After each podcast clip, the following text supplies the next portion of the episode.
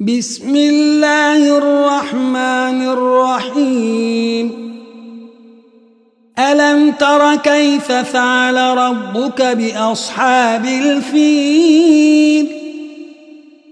ألم يجعل كيدهم في تضليل؟ وأرسل عليهم طيرا أبابيل.